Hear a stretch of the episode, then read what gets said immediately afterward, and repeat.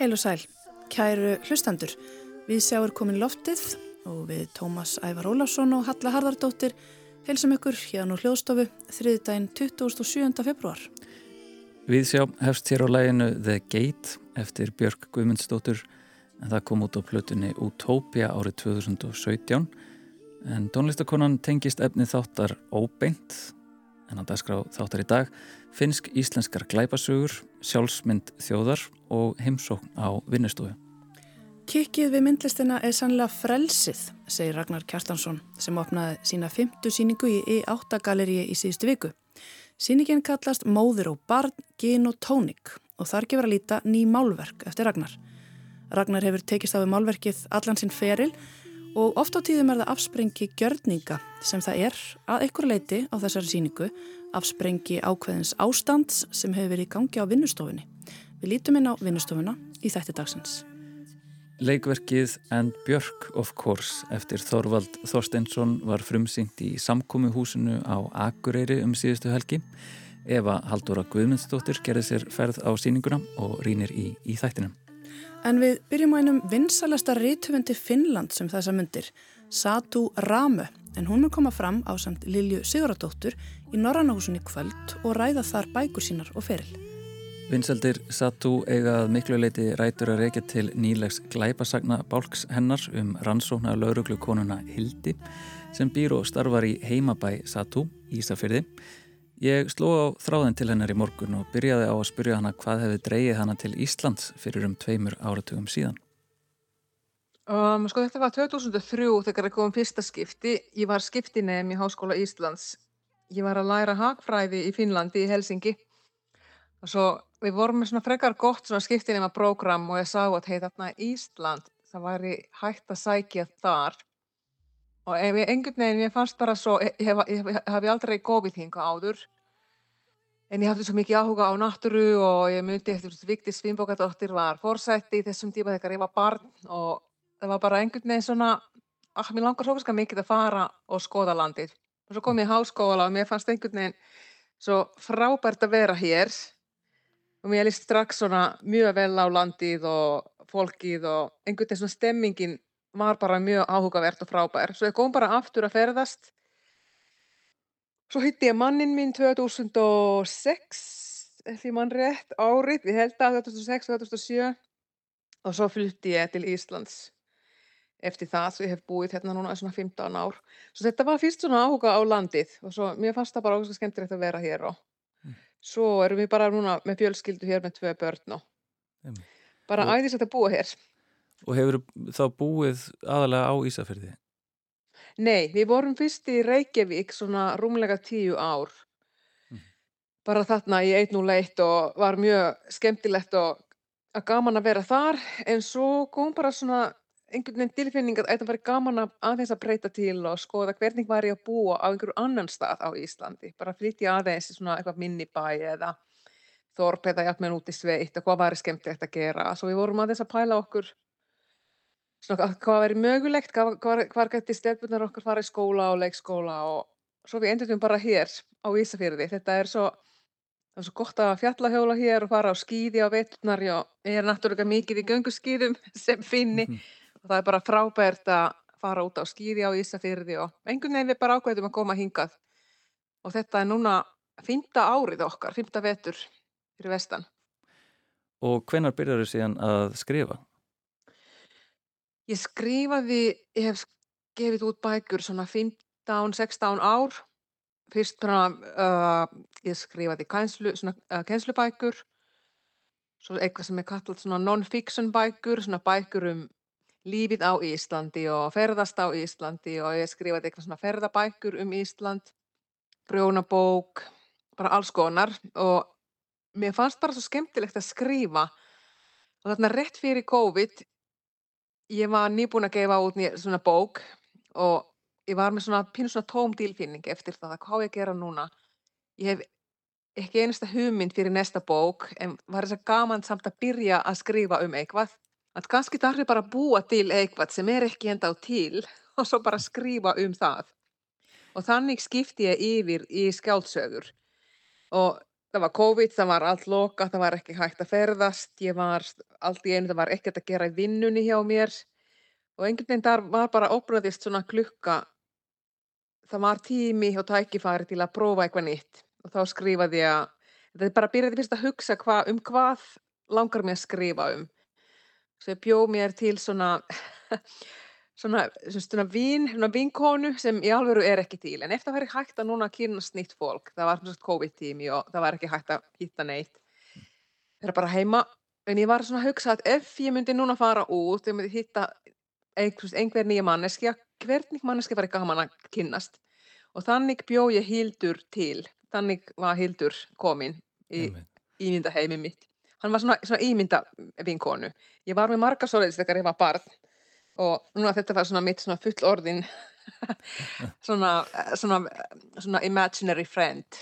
Einmitt. og uh, þá kom Hildur og þá byrjaði ég að hugsa ok, hvað hefur gerst í lífinu hennar? Eða veist, hvað er hún að vinna, hvað er hún að gera? Og svo ég fekk bara hugmyndið að það, hún er öruglega að lökka já, hún er rannsóknar lögreglu kona á vestfyrðum það er ekta, alltaf svo rólegt hér finnst mér og veist, við erum bara svo fáir og stór náttúru bara lítila fólki en samt hvað gæti gerst hér og svo byrjaði ég bara svona söguheimurinn að byggjast smátt og smátt og svo byrjaði ég að skrifa um, um það og þá mhm. kom fyrsta Hildurbók út í Finnland, það var 2022, svona 1,5 ár síðan.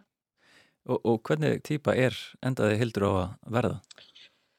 Sko hún er, uh, hún býr einn, hún vill, hún vill vera einn, uh, hún vill ekki kærasta eða fjölskyldu eða börn, hún vil bara vera einn. En samt hún er mjög skemmtilegt og svona, hún er svona næs manneskja. Hún er ekki neitt svona sérstaklega skrítin, hún vil bara vera einn og hún fer, hún fer út að surfa. Hún er að surfa í, í hafinu hér fyrir vestan og svo er hún að æfa mikið, hún fer mikið til gimmið og er að hlaupa mikið, hún er mjög svona íþróttaleg kona hún uh, hefur verið með svolítið erfið líf þegar hún var barn mm. og kannski það hefur haft einhvern veginn á, áhrif á því hvernig hún er núna og af hverju hún vil vinna í lökkunni og af hverju vil hún vera einn og vilt ekki eignast fjölskyldu og, og þannig. Hún mér að mjög svona skemmtilegt og sterk kona. Hún er ekkert neitt svona mega lökku stjarnar þannig sé, en hún er bara að gera sín vinnuna mjög vel og er alltaf að svona ganga vel með fólkið og er svona skemmtilegt, kurteist manneskja. Svona einhver sem er mjög gaman að hanga með, fara út í pítsu eða fá bjór og party og þetta spjalla og fara saman að æfa. Ég fer oft með henni að hlaupa, ég, ég elska að hlaupa sjálf og vara skýði og æfa í gimminu og Hildur er svona, svona íþróttavinkona mín líka. Já og þú, þú skrifar þetta á, á finsku og, og, og gefur út uh, í Finnlandi uh, 2022 kemur fyrsta í, í þessum uh, já, er, stefnir þetta ekki í sexleik? Já, það er það sem þrjár bækur eru, komin, eru kominar út og ég er að skrifa fjórða akkurat núna sem kemur svo út í november í Finnlandi og ég á sögur, ég hef svona hugsað að þetta var eitthvað svona sex Já. sem ég veit núna en þetta gerist alltaf þetta er eitthvað sem ég var mjög hissa sjálf þegar Ég var búin að gefa út þrjár bækur og það var svona minn fyrsta hugmynd að ég á sögur fyrir þrjár bækur. Það er nóg til að útskýra hvernig Hildur er og hvernig, er, og hvernig var fjölskylda hennar þegar hún var barn. Hvernig er finski lögreglu uh, gaurinn sem flyttur til Íslands og byrjar að vinna saman með Hildur. Það er Jakob, svona finskur maður sem kemur hingað. Og uh, ég held að það var í nóg. En svo eftir ég var búin að eyða eitt, tvö ár til að skrifa seríuna, ég fattaði alltaf einu að þetta er að stækka, þessi söguheimurinn er ekki að minga þegar ég er að skrifa, það er bara að stækka og vera stærri. Og svo hef ég bara nýja hugmyndir fyrir næsta bók og þannig sé að ég get ekki lofað neitt en ég er að minnstakosti sögu fyrir sex bækur. Einmitt. Og, og já, þetta kemur síðan út og þetta verður alveg ótrúlega vinnselt í, í Finnlandi. Þetta eru bara söluhæstu bækur Finnlands síðustu áraægila. Um, komið þessar vinnseldir þeirra óvart?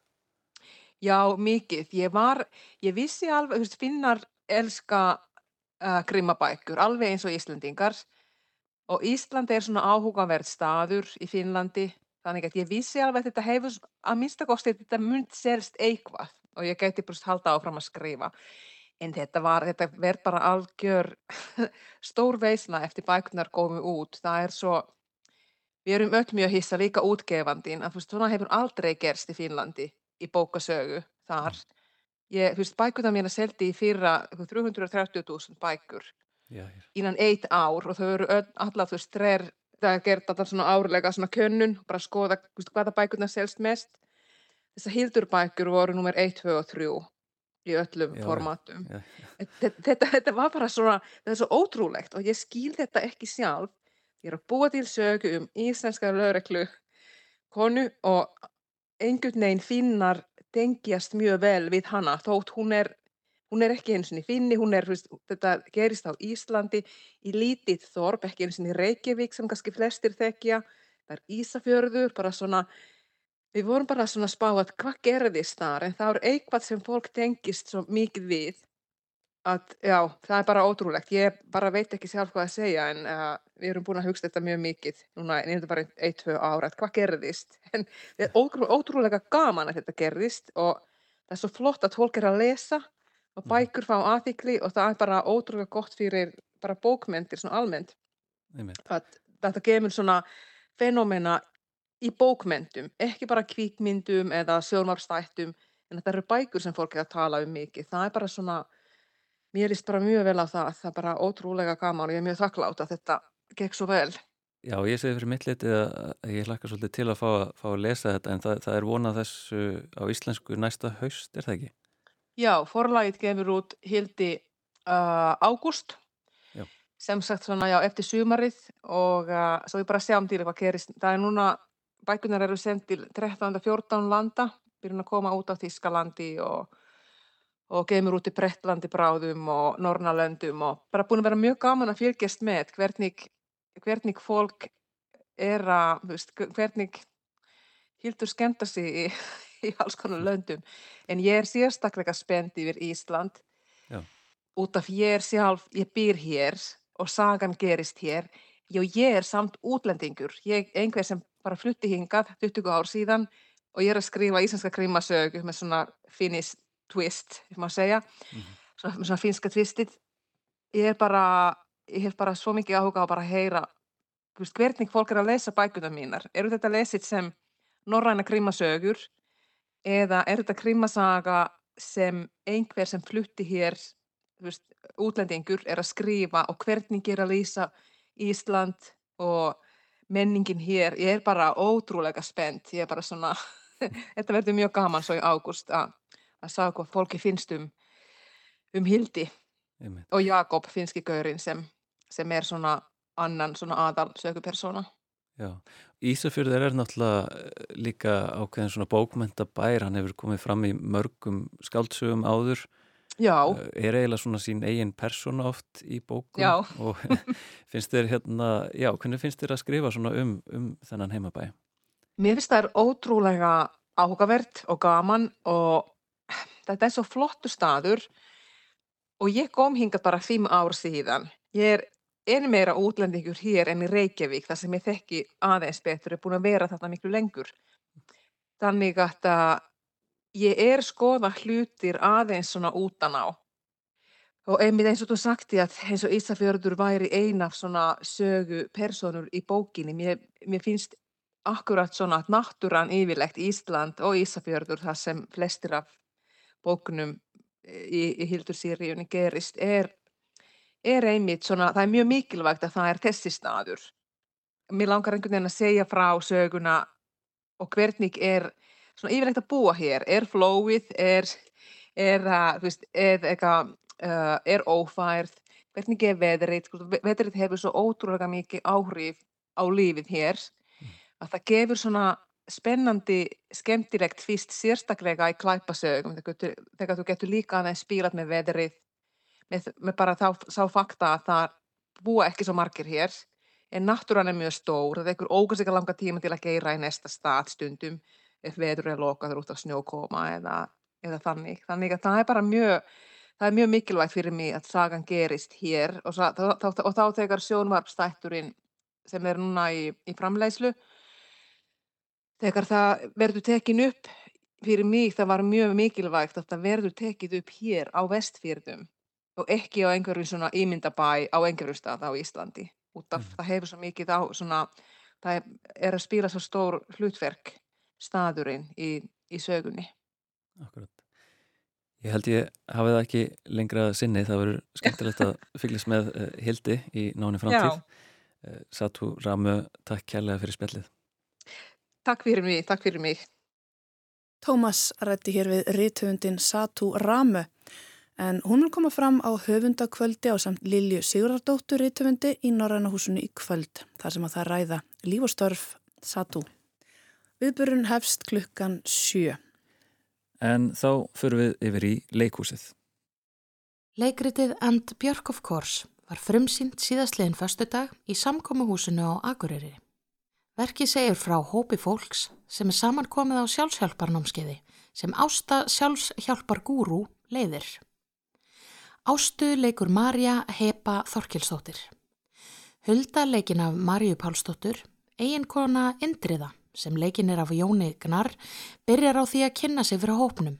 Það reynir hún eftir bestu getu að kynna sig án þess að tiltaka hvaða er sem hún gerir því í upphafi hefur ástabeðið þau um að deila því ekki. Við tekur þráinn, leikin af Sverri Þór Sverrisinni og brítur einu reglu ástu strax og lýsir lífi sínu sem legubílstjóri. Eiginkona þráins, hún Stefania, leikin af Eikló Hilmarsdóttur, tekur kynninguna virkilega alvarlega og veriðist vera mikið í mun að koma vel fyrir en getur ekki haldið aftur að sér og kemur því að hversu mentuð hún sé, ánþest þó að segja hvaða er sem hún vinnur við.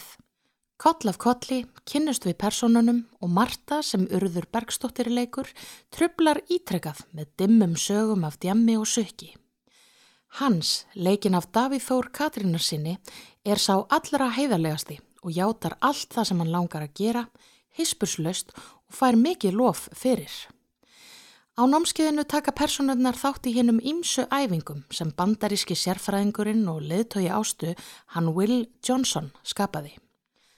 Æfingar námskeiðsins virðast vera til þess gerðar að afhjúpa innrið þrár og leindardóma í gegnum leik og leiðir ástahópin í tröllatrú á að þau sé að færast nær hinnum innsta kjarna, einfalda sannleik og sátt. Þorvaldur Þorstinsson skrifar verki sem frumsýnt var árið 2001. Hann lýsir því að hann hafi viljað skrifa verk sem væri ástand og brítur þannig upp aristotelisku frásagnarhefðina. Strax í upphafi verksins er okkur ljóst að Þorvaldi er sjálfsmynd manneskunar hugleikin.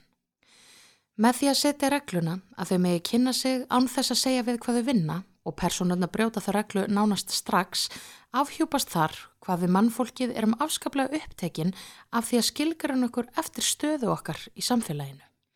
Á námskeiðinu sjá við ástu og þáttakendurna sífelt hrósa fyrir góða framistöðu og býr Þorvaldur þannig til falska upplifun af katharsískum augnablikum hjá personum verksins. Þar undistrykkar hann geturleysi þeirra til að taka raunverulega ábyrð á sjálfum sér. Verkið vakti mikla aðtökli á sínum tíma og þykir mörgum þetta vera eitt besta verk Þorvaldar vegna þess hver lipurlega hann skiknist inn í sálarlífi manneskunar og jafnframt þjóðarsálina. Leikmynd og búningar verksins er í höndum Brynju Björnstóttur og nær hún að skapa gómsæta fagurfræði á sviðinu með kalthæðnum undirtóni. Mjúkt og snirtilegt drapplitað teppið sveigist yfir sviðsbrúnina, heilur sviðið og sveigist upp í öldu sem vofir yfir leikurunum aftast á sviðinu. Á teppinu leggja á víð og dreif nýtískulegir grjónapúðar og tvö mjúk hengirúm. Brynja skapar kósi andrumsloft sem minnir á típist jókastúdíó en gerir það líka skýrt í vali hlutana að þarna er fólk með hinn ymsu forréttiti komið saman sem rýmar virkilega vel við ásetning verksins. Lýsing Ólafs Ágúst Stefánssonar glæðir sviðsmyndina lífi og nærað fanga andrumsloftæfingana sem personurnar ganga í gegnum. Tónlist Axels Inga Árnasonar og Péturs Karls Heiðarssonar leikur á skinnfærin í blandið ljúft en jafnframt spennuþrungið pianostef setja þeir hljóð sem vekja upp ymsar tilfinningar. Fingur að opna orkudrykk, Titringur í síma og síkaretta að brenna þegar manneskja tekur smók tengja okkur inn í hvað við manneskjötnar grípum í til að meðhandla eða flýja raunveruleika okkar. Hljóðheimur þeirra gerur upplifinuna æfintýralega og nær blanda hljóðana að vekja viðbrögð í líkamannum. Tólkun leikarana á tekstanum er heilt yfir virkilega dýnamísk. Eigló Hilmarsdóttir fer úr því að vera vel til höfðu mentakona sem þráir að hafa stjórn yfir í hömlulösa konu í leit að útrás. Ég hef aldrei séð Jón Gnar betri á sviði og þótti mér stórkostlegt hvað hann vakti hjá mér mikla samkend og óhug í einu og sama augneblikinu. En hún Marja Hepa ber af og næra kjarnar leiðtóðan sem með valdsmannslegri framkomu sinni næra teima hóp leitandi fólks áfram án þess þó að sína fram á nokkur skonar getu til þess að raunverulega hjálpa þeim. Hún er fyndin, óþægileg og afskaplega heillandi. Fingrafar Gretu Kristínar Ómarsdóttur leikstjóra er enkjænandi. Henni, rétt eins og Þorvaldi, er manneskjann og samfélag okkar hugfólkið. Hún hefur stokkað upp í handritinu til dæmis með því að skipta út einræðu hans í upphafi og lætur kynningu þráins legubilstjóra opna síninguna. Þannig þykir mér hún skapa stíganda inn í kjarna personana. Síningin er þó nokkuð laung og fyrir hlið hefði mátt stittana. Verkið byrjar af miklum krafti og næra grípa mann strax, en dættur örlítuður takti eftir að personurnar hafi verið kynntar og hefja æfingarnar.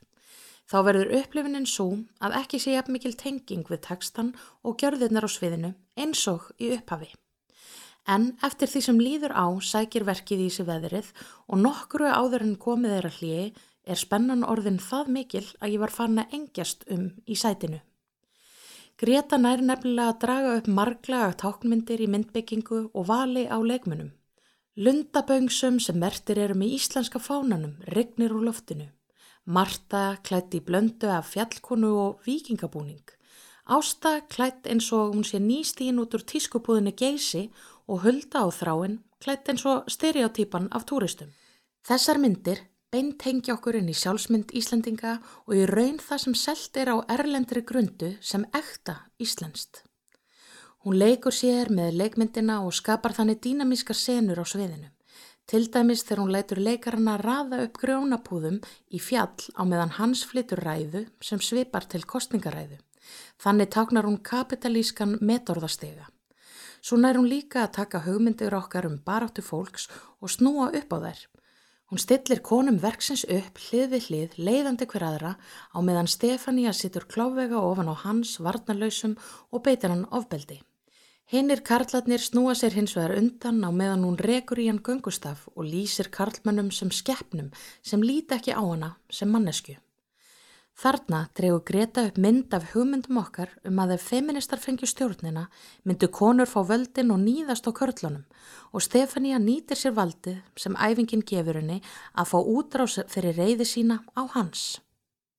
Á sama tíma fá við samkjönd með henni vegna þess hvaða er sem veldur heiftinni.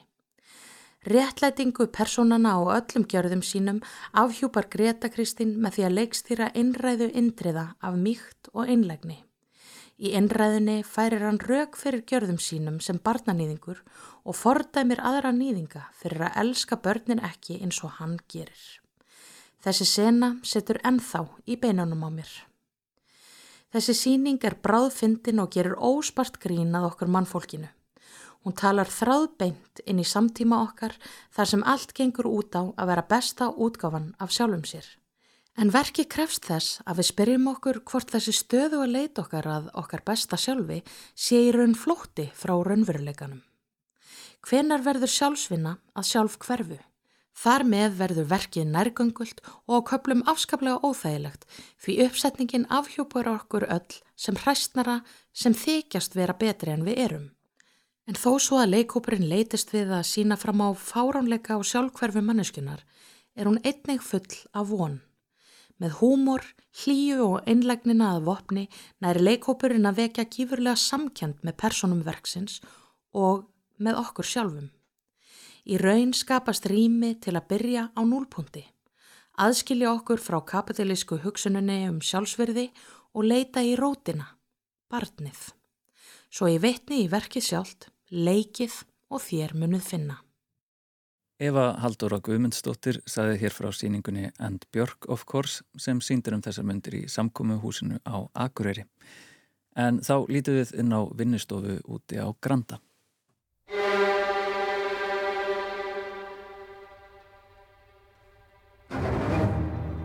Mér finnst þetta alltaf eins og þetta sé bara eitthvað grín, þú veist, þó ég sé búin að vera, eða þú veist, að vera listamæður.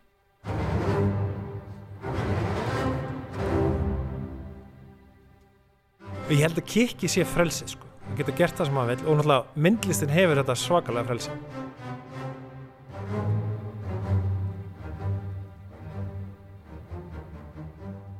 sko það er rosa mikið búið að vera hlust á maler og síningin átti ég að heita maler á vinnustofunni sko. Það var svona titlalum sem ég var að velta mér fram á aftur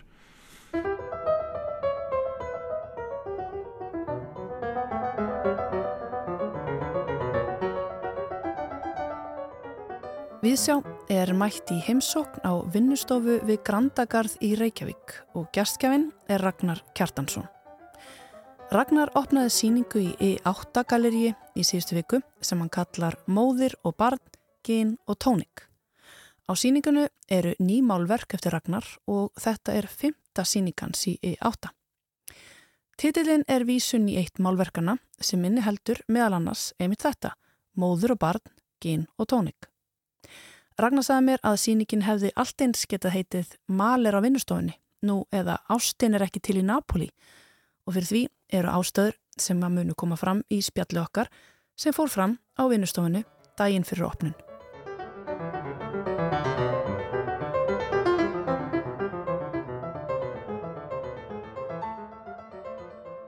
Herður ekki, hérna eru við komin í Galdra Vesmiðuna, er þetta ekki Galdra Vesmiða? Ég veit nú ekki hvert, hvert þetta er miklu galdrar sem fara fram hérna en þetta er, þetta er vinnustofan og hérna og hún er hérna í, í, í fyrrum fyrrum beitingaskúr og fyrrum liftaragemslu hérna út á Granda. Og hér er, er bara þetta er svona búin að vera með þessa vinnustofu núna í hvað, eitthvað, rúm tíu ár. Og það fyrir alls konar hér fara, fara fram hljómsveitræðingar er maður að mála veist, stundum verður þetta stúdíu maður að taka upp videóverk og, og hérna, ég, og bara í allir fjöndin sko.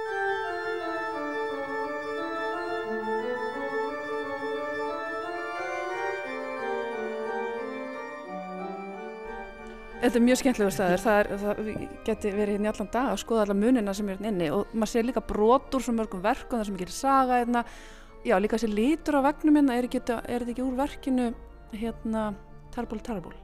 Jú, þetta er úr verkinu Terrible Terrible sem að, emitt, var tekið upp hérna og var búinn til eftirlíking af Tretjikov samninu í Moskvu þegar mm. hérna, verkum hefur verið, verið að rústa málverkonum af Ívani Grimma svona hérna þannig að þannig að þannig að emitt, þú veist emitt, það var emitt mm -hmm. videoverk um málverk og en þetta er svona og svo þú veist þess að var að leika kannski í þessari síningu þá bara þetta það er bara eitthvað ógslag gaman að vera bara hérna inni og bara svona snúa sér í einhverja átt og, og það er einhvern veginn það, það, það verður óvart allt eins og einhver symbolismi. Líka bara þegar maður málar það veist, þegar maður ser það þá bara er það sem að breyti einhverju drastli í symbolisma. Mm -hmm.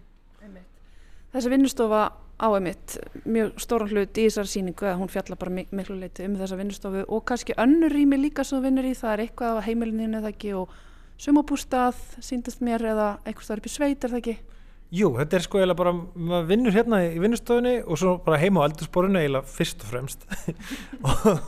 Og, og, og aðeins í hérna, svo er aðeins svona verið að vinna í, upp, í, hérna, upp í bæli í, í Söfnarbygginu mm -hmm.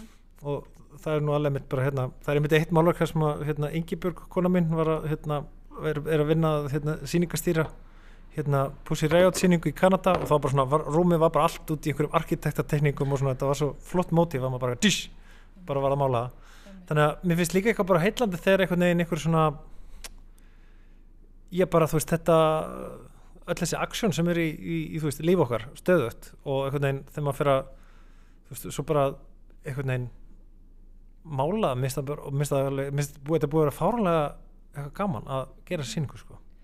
Einmitt, það gefur allum þessum svona hverstarslegu sviðsmyndum sem ekki vægi þegar það eru líka komnar í málverkið. Já það er eitthvað undarlegt þú veist við, þú veist þetta þetta finna statement sem það er bara eitthvað, ég er hérna með strega og ég er hérna með alls konar drullu í alls konar litum og svo hræri ég drullinni svona einhvern veginn út um allt og þá verður hún þá, á líka bara að því að þú veist ég, bara, að því að ólímálverk eru líka eitthvað svo eitthvað svona skemmtilega hérna þú veist, ég merkilegt form eða þú veist, þetta er náttúrulega hérna, svo, er svo hlaði form og svona þú veist, og svona, þetta er svona alveg list mm -hmm. þú veist mm -hmm. og eitthvað ólíkt gjörningum og vítjalist já, jú, jú, sem er bara vittlisa sko. en það er uh, tilfinningin er ábúrslega svona, það er eitthvað kyrði við myndunum þó að það sé kannski líka svolítið drasl þá er uh, kyrð og svona eitthvað innilegheit og svona, já, eitthvað svona persónleg stemning sem eru þetta aldrei ólíkt því sem að þú hefur verið að gera kannski síðustu missari, ekki satt? Jú, ég er sko búin að vera svolítið mikið í ykkurum svona eða svona daldi rosalegum verkefnum eitthvað, þú veist eins og eitthvað hérna þú veist, ég er bara eitthvað með, búin að vera að gera, þú veist, síningar í mig þú veist, ég, ég var svolítið búin að gera síningar í Danmark og Hollandi og alls konar þú veist, haugulegar, skemmtilegar síningar og eins og þú veist þess að gera í síningu í Rúslandi en hérna en þú veist það mitt, svo, svo, svo eftir, eftir rúslandsýninguna þá verður við svo involverið í, hérna, í, í, í starfsemi Pussy Riottar mm -hmm. og hérna og ég finnst það með bara eitthvað svona rásætt að maður fara að fallbega þetta og hérna og, og, og hérna þannig að við erum búin að vera í rosalega mikill svona, búin að vera mikil miklar háspennulínur í gangi mm -hmm. Mm -hmm. þannig að sko kikkið að gera þessa málverkasýningu í einhverju svona þú veist, þetta er smá náttúrulega bara þegar bara leikur leikunni stemmingin heiminum er svo svakaleg núna sko. Og þetta er einhvern veginn að bara þetta er, þú veist, þetta er smá svona að spila fylgum meðal hún brennur en, en þú veist, ég kjökti ekki í henni. Bara spila fylgum meðal hún brennur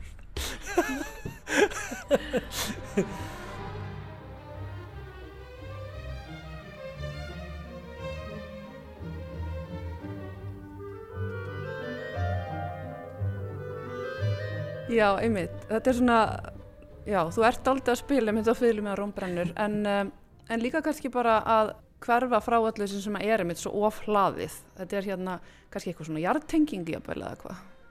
Hjarteng, ég veit það ekki alveg. Að þú veist, þetta er alltaf, að mér finnst bara, mér finnst alltaf þetta bara þetta, hérna, þetta listadæmi er svo áhugavert.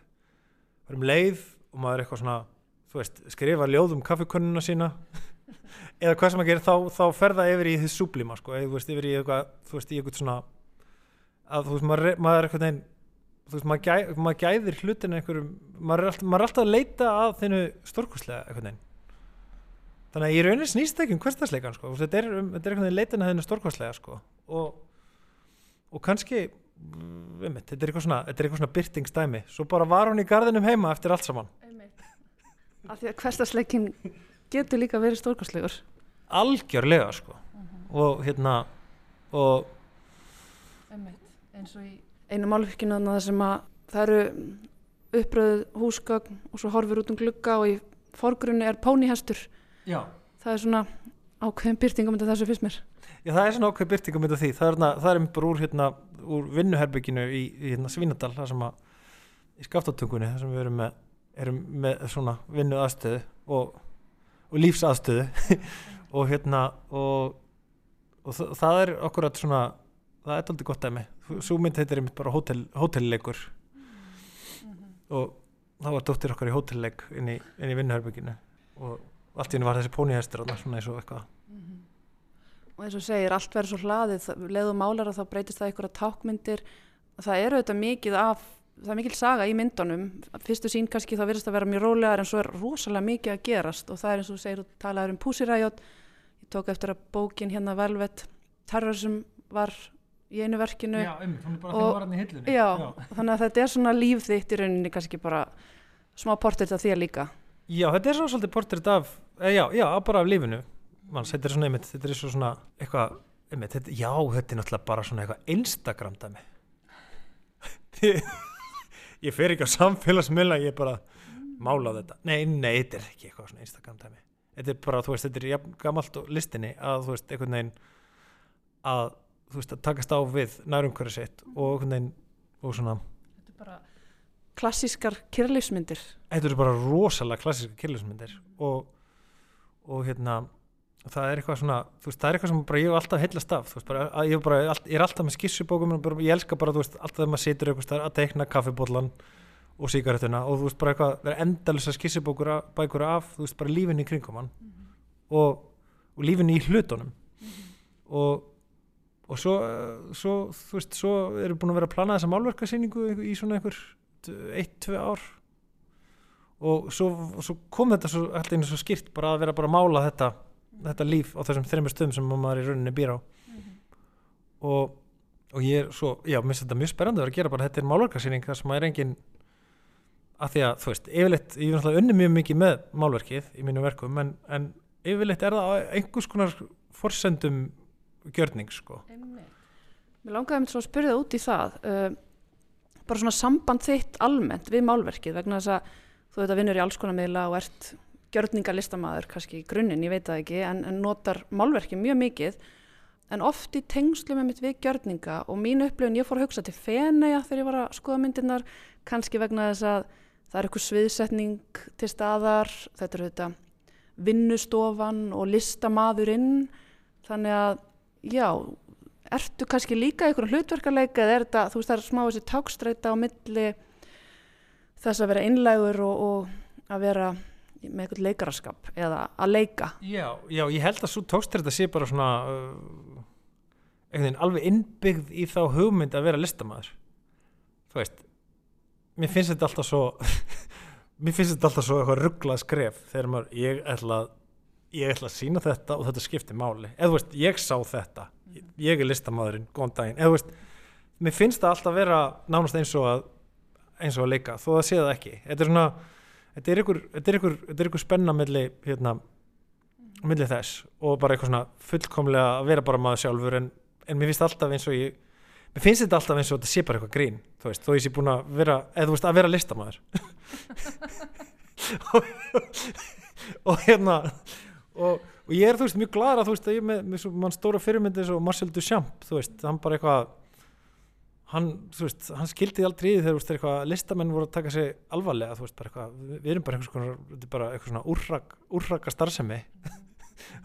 Og hérna og það er svo mikil partur af frelsinu við að vera listamann, að þú veist, þetta ég held að kikki sé frelsið, sko, að geta gert það sem maður vil og náttúrulega myndlistin hefur þetta svakalega frelsið, og maður getur unni í alla miðla sem maður vil og, og svo framvegis. Og, og í rauninu, sko, þegar ég var náttúrulega á ég, ég var á málardelt í í hérna, myndliskólanum mjög alveg dag og þú veist og ætlaði alltaf að verða veist, málari, það var alltaf mitt plan.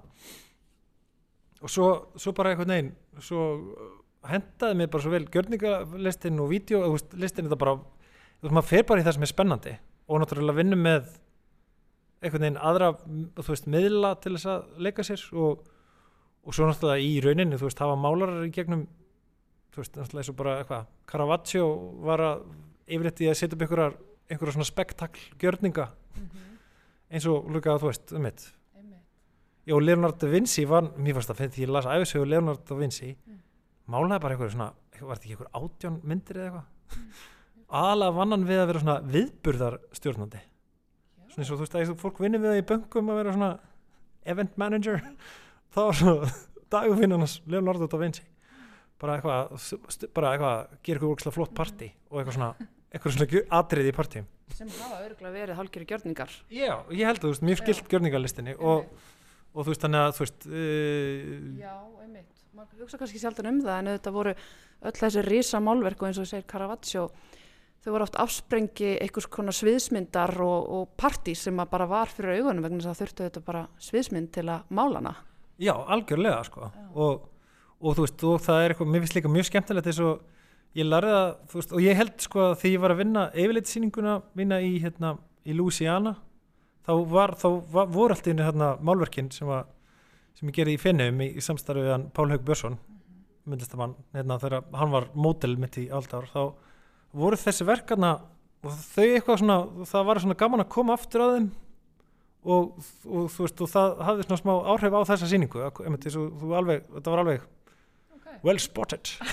Og hérna, og einmitt svo er, er, er Palli einmitt búin að vera að koma og kíkja inn í, í vinnustofan og skrifa geggjæðan texta fyrir þessa síningu sko, þannig að, þannig að veist, þetta, þetta er mjög skilt þeirri síningu en, og þú veist, og þar var þetta þú veist, einmitt, eitthvað svona ég leit alltaf á það að þú veist svo verið í fenum í sex mánuði að mála oljumálverk, það er svona lítur að vera svo að þú veist, fara með svona gítar og krosskutunar og heita djöfulinn og vera ógslag góður í blues. Ég varði ekkert eitthvað geggjað málarinn þá en þú veist en ég held að maður verða aldrei geggjað þú veist, þú veist, maður er bara á leiðinni á einhvern veginn að, maður, og þú veist, maður er alltaf að læra á og ég held að henni farin að heitlast mjög af þessu formi sem er málverkið. Bara að já, þetta að þetta færa drullu til og strega og, og þú veist, búa til heim innan stregans, mér finnst það mjög heillandi sko.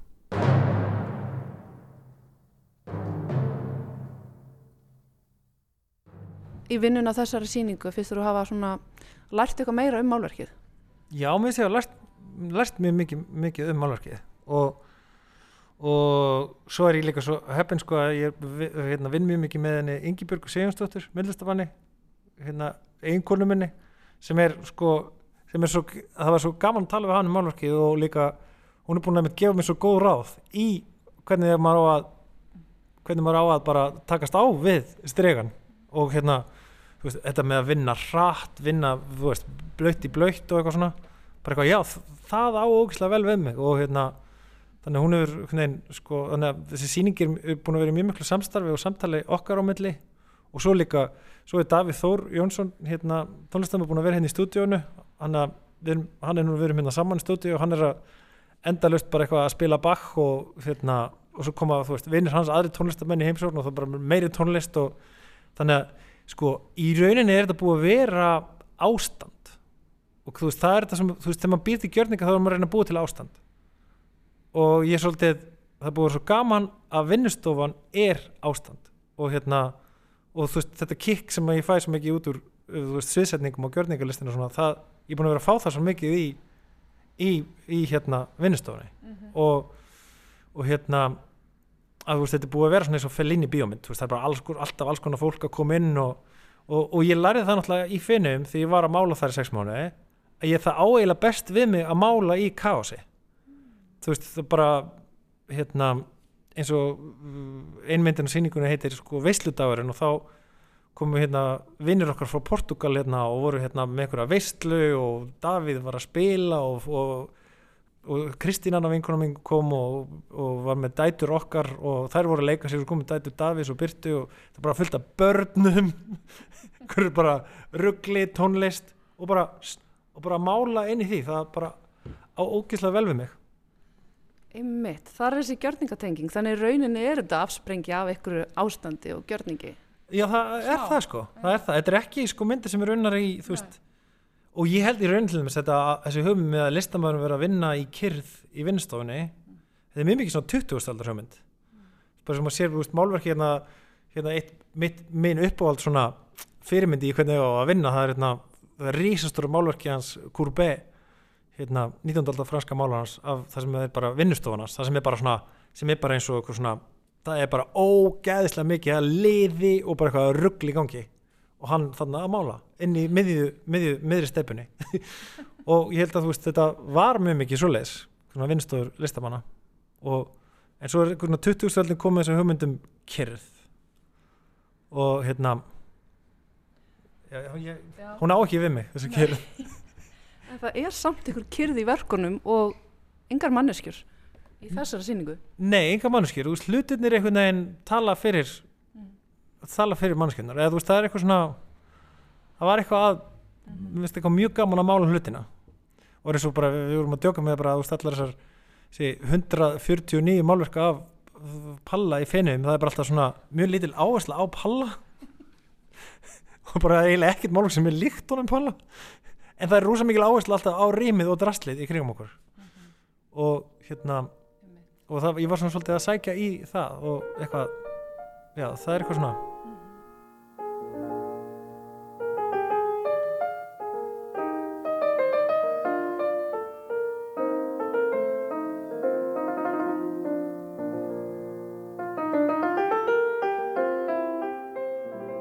hérna, þetta ástand sem búið að vera innan gangi og þessi síning er alveg einhver leiti afsprengi af þessu ástandi.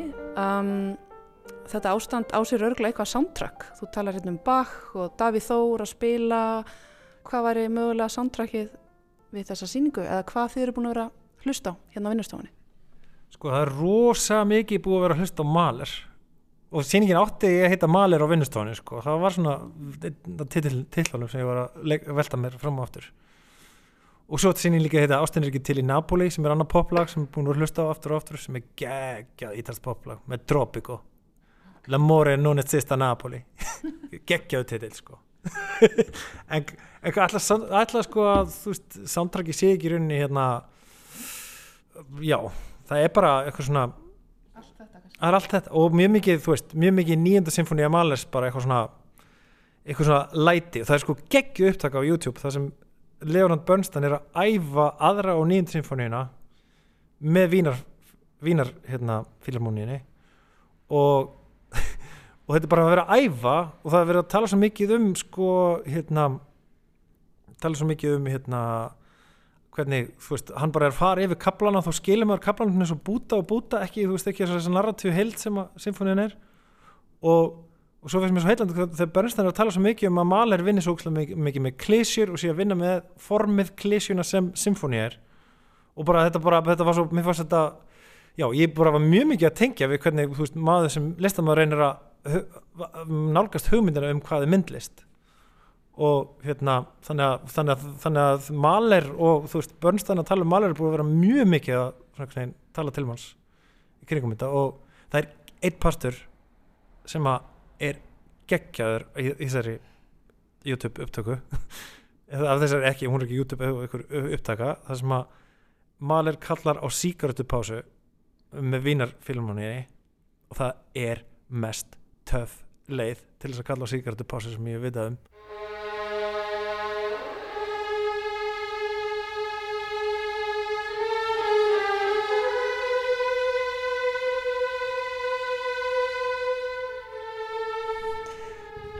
hann tala svo mikið um hvað að vinna með klísjur og það var bara já auðvitað. Þú veist þetta er alltaf bara eitthvað svona hann heyrir eitthvað eitthvað, eitthvað melodíu í einhverjum guttsjón þú veist það bara og, og klísjuna sem symfónir einmitt.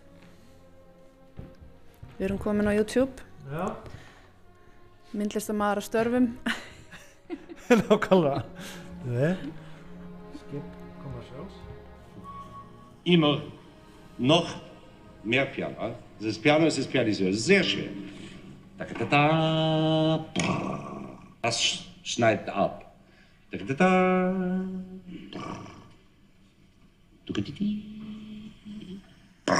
Dann kommt er. Zwei Tage später. Noch einmal. Langsam.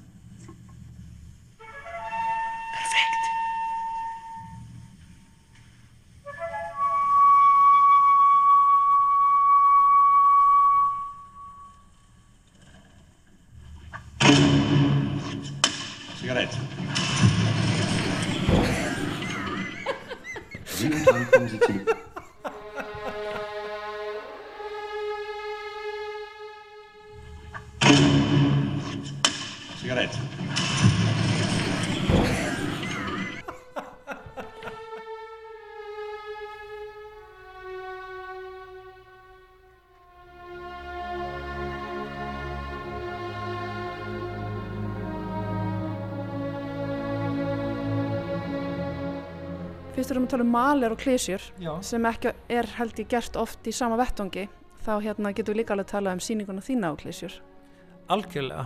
Og þú veist, ég, þú veist, mér finnst allt sem ég gerir vera að vinna með klísjuna og, og þú veist, það er fá verk sem hafa haft mikil áhrif á mig og verk eftir Magnús Sigurðarsson, myndlistamann þar sem hann er allsber með vindil og puttan upp í rassinum og það stendur the cliché is the ultimate expression og bara þetta tíman ég bara, þú veist, ég held ég hef ekki eins og séð þetta verk, ég bara heyrðum þetta verk og það frelsaði mig.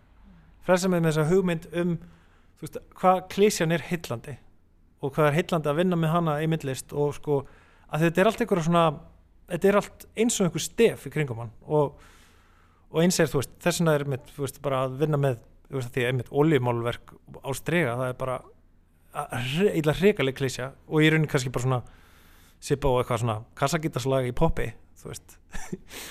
Þannig að það er svona, já og, og klísjan að vera, þú veist málari í vinnustofunni þú veist, þetta er svona já, það er ekki, það er ekki frumleg arða í, í manni sko.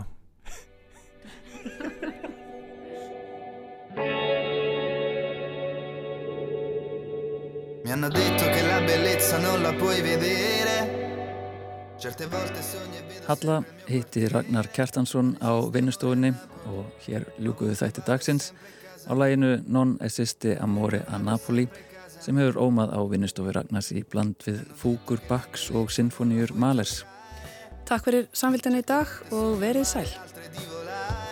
Non esiste amore a Napoli Ma i tuoi vestiti ancora sul divano È il segno di una sigaretta spenta sulla mano E non ci pensi mai che è stato un lungo viaggio incontrarsi. Aspirine a colazione e un bacio. Per quando saremo scomparsi Sarebbe meglio scordarsi Che diventare uguali a tutti gli altri.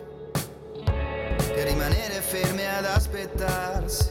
Ma adesso cadono, cadono Tutti i pensieri che faccio. È meglio il panico, panico Che lasciare un abbraccio. Quello che c'era era magico, magico io da te ho imparato poche cose e sono tutte quelle più pericolose. Ma ora sei lontana, ma ti vedo ancora sui manifesti lungo la strada. Te lo ricordi quant'era bello figlio di puttana? Quando sogni cosa immagini? Non esiste amore a Napoli, non esiste amore a Napoli se sei lontana. Ti vedo ancora, tu in questo tempo dove sei stata? Ricordi quant'era bello figlio di puttana. Quando sogni cosa immagini? Non esiste amore a Napoli Non esiste amore a Napoli. Quando guardi indietro è più facile cadere. Ritorniamo sempre dove siamo stati bene. Non esiste amore a Napoli Ma ovunque vada è sempre casa mia. Ovunque vada è sempre casa mia. Scivoli sopra di me, su una linea vocale Restiamo soli a parlare di niente, nello spazio siderale. Non lasci nemmeno un saluto. Scrivo canzoni se non stare in muto. Passo da Sara e Rosario allo studio. Stavi con me quando il mondo cadeva e stasera che fai? Dove te ne vai? Klaus non mangia tai Sono fuori per lavoro, non mi vedo con nessuna. Qui non suona un'armonica, ho fatto a pezzi ogni cosa. E ora il cuore di Maiolica, il cuore di Maiolica. Ma adesso cadono, cadono, tutti i pensieri che faccio È meglio il panico, panico, che lasciare un abbraccio Quello che c'era era magico, magico Io da te ho imparato poche cose E sono tutte quelle più pericolose ma ora sei lontana, ma ti vedo ancora sui manifesti lungo la strada. Te lo ricordi quant'era bello figlio di puttana? Quando sogni cosa immagini? Non esiste amore a Napoli, non esiste amore a Napoli se sei lontana. Ti vedo ancora, tu in questo tempo dove sei stata? Te lo ricordi quant'era bello figlio di puttana? Quando sogni cosa immagini? Non esiste amore a Napoli